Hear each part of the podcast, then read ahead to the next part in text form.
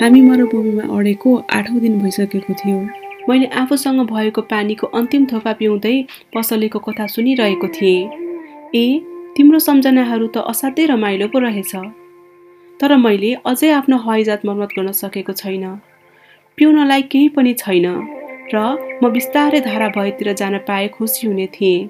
मैले भने मैले मेरो फ्याउरो साथी भनेको ए मेरो राजा यहाँ अब फ्याउरो स्याउरोको कुरा छैन। किन र? किनभने अब त पानी खान नपाए मरिन्छ। मेरो भनाइको अर्थ नबुझी उसले जवाफ दियो। मन लागेको भए पनि एउटा साथी पाएको भए त राम्रो हो नि। आफू त फ्याउरो साथी पाएकोमा खुसी छु बा। मैले मनमनै भने उसले खतराको कुनै हिसाब गर्दैन। उसलाई न कहिले भोक लाग्छ न त कहिले प्यास नै। अलिकति घामले नै पुग्छ। तर उसले मलाई हेऱ्यो र आफ्नो विचारको जवाफ दियो। मलाई पनि तिर्खा लागेको छ। एउटा इनार खोजौँ। मलाई थकै लागेको जस्तो भयो। त्यो विशाल मरुभूमिमा अन्धधुन्धसँग इनार खोज्नु उपयुक्त हो। तर हामी हिँड्न थाल्यौँ। घन्टौसम्म सुनसानमा हिँड्दा हिँड्दै रात पर्यो र ताराहरू चम्किन थाले। आफूलाई तिर्खाले गर्दा अलिअलि ज्वरो आएको भान भयो। मैले ती ताराहरूलाई सपनामा देखे चाहिँ भयो। फुच्चे राजकुमारका शब्दहरू मेरो दिमागमा नाच्न थाले। उसो भए तिमीलाई पनि तिर्खा लागेको छ होइन? मैले उसलाई सोधेँ। तर उसले मेरो प्रश्नको जवाफ दिएन। उसले सहज ढङ्गले भन्यो पानी मुटुको लागि फाइदाजनक हुन सक्छ। उसले दिएको जवाफ मैले बुझिनँ तर म चुपै रहेँ। अब उसलाई प्रश्न गर्नुहुन्न भन्ने मलाई थाहा भयो। ऊ थाकेको थियो ऊ बस्यो। म उसको छेउैमा बसेँ। एकैछिनको मौनतापछि उसले फेरि भन्यो ताराहरू राम्रा छन्। एउटै मात्र फुल भएकोले त्यो देखिन्न। हो त नि। मैले जवाफ दिएँ र केही नबोलेर म चन्द्रमामा बालुवाको पत्र हेरिरहेँ। मरुभूमि पनि राम्रो छ। उसले थप्यो। यो कुरा साँचो थियो।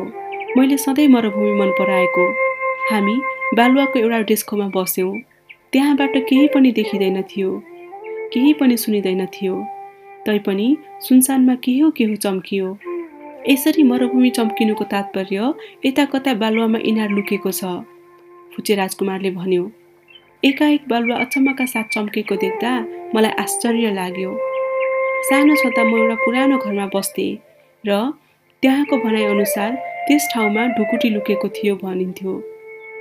साँच्चै भन्ने हो भने त्यो कसैले पत्ता लगाउन सकेको थिएन र न त कसैले त्यसलाई खोज्न नै चाहन्थ्यो तर त्यो ढुकुटीले घरको चमक बढाएको थियो। मेरो घरले म भित्र एउटा रहस्य लुकेको थियो। हो त नि घरको कुरा होस् ताराको कुरा होस् या त मरुभूमिको कुरा होस् मुख्य कुरा के हो भने तिमीहरूको सौन्दर्य अदृश्य हुन्छ। मेरो फ्याउरोसँग तिमी सहमत भएको कुराले गर्दा मलाई खुसी लाग्यो फुचे राजकुमारले भन्यो।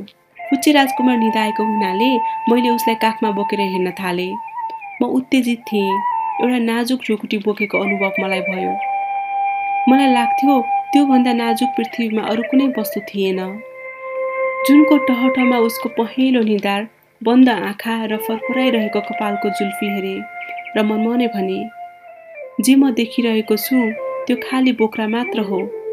मुख्य र महत्त्वपूर्ण कुरा त अझै अदृश्य नै छ।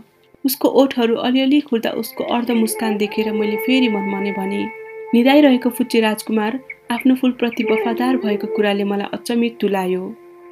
उसको सुतेको मुहारमा पनि गुलाबको चहक बत्ती चाहिँ चम्किरहेको छ र मैले उसले अझ हलुङ्गो भएको महसुस गरेँ।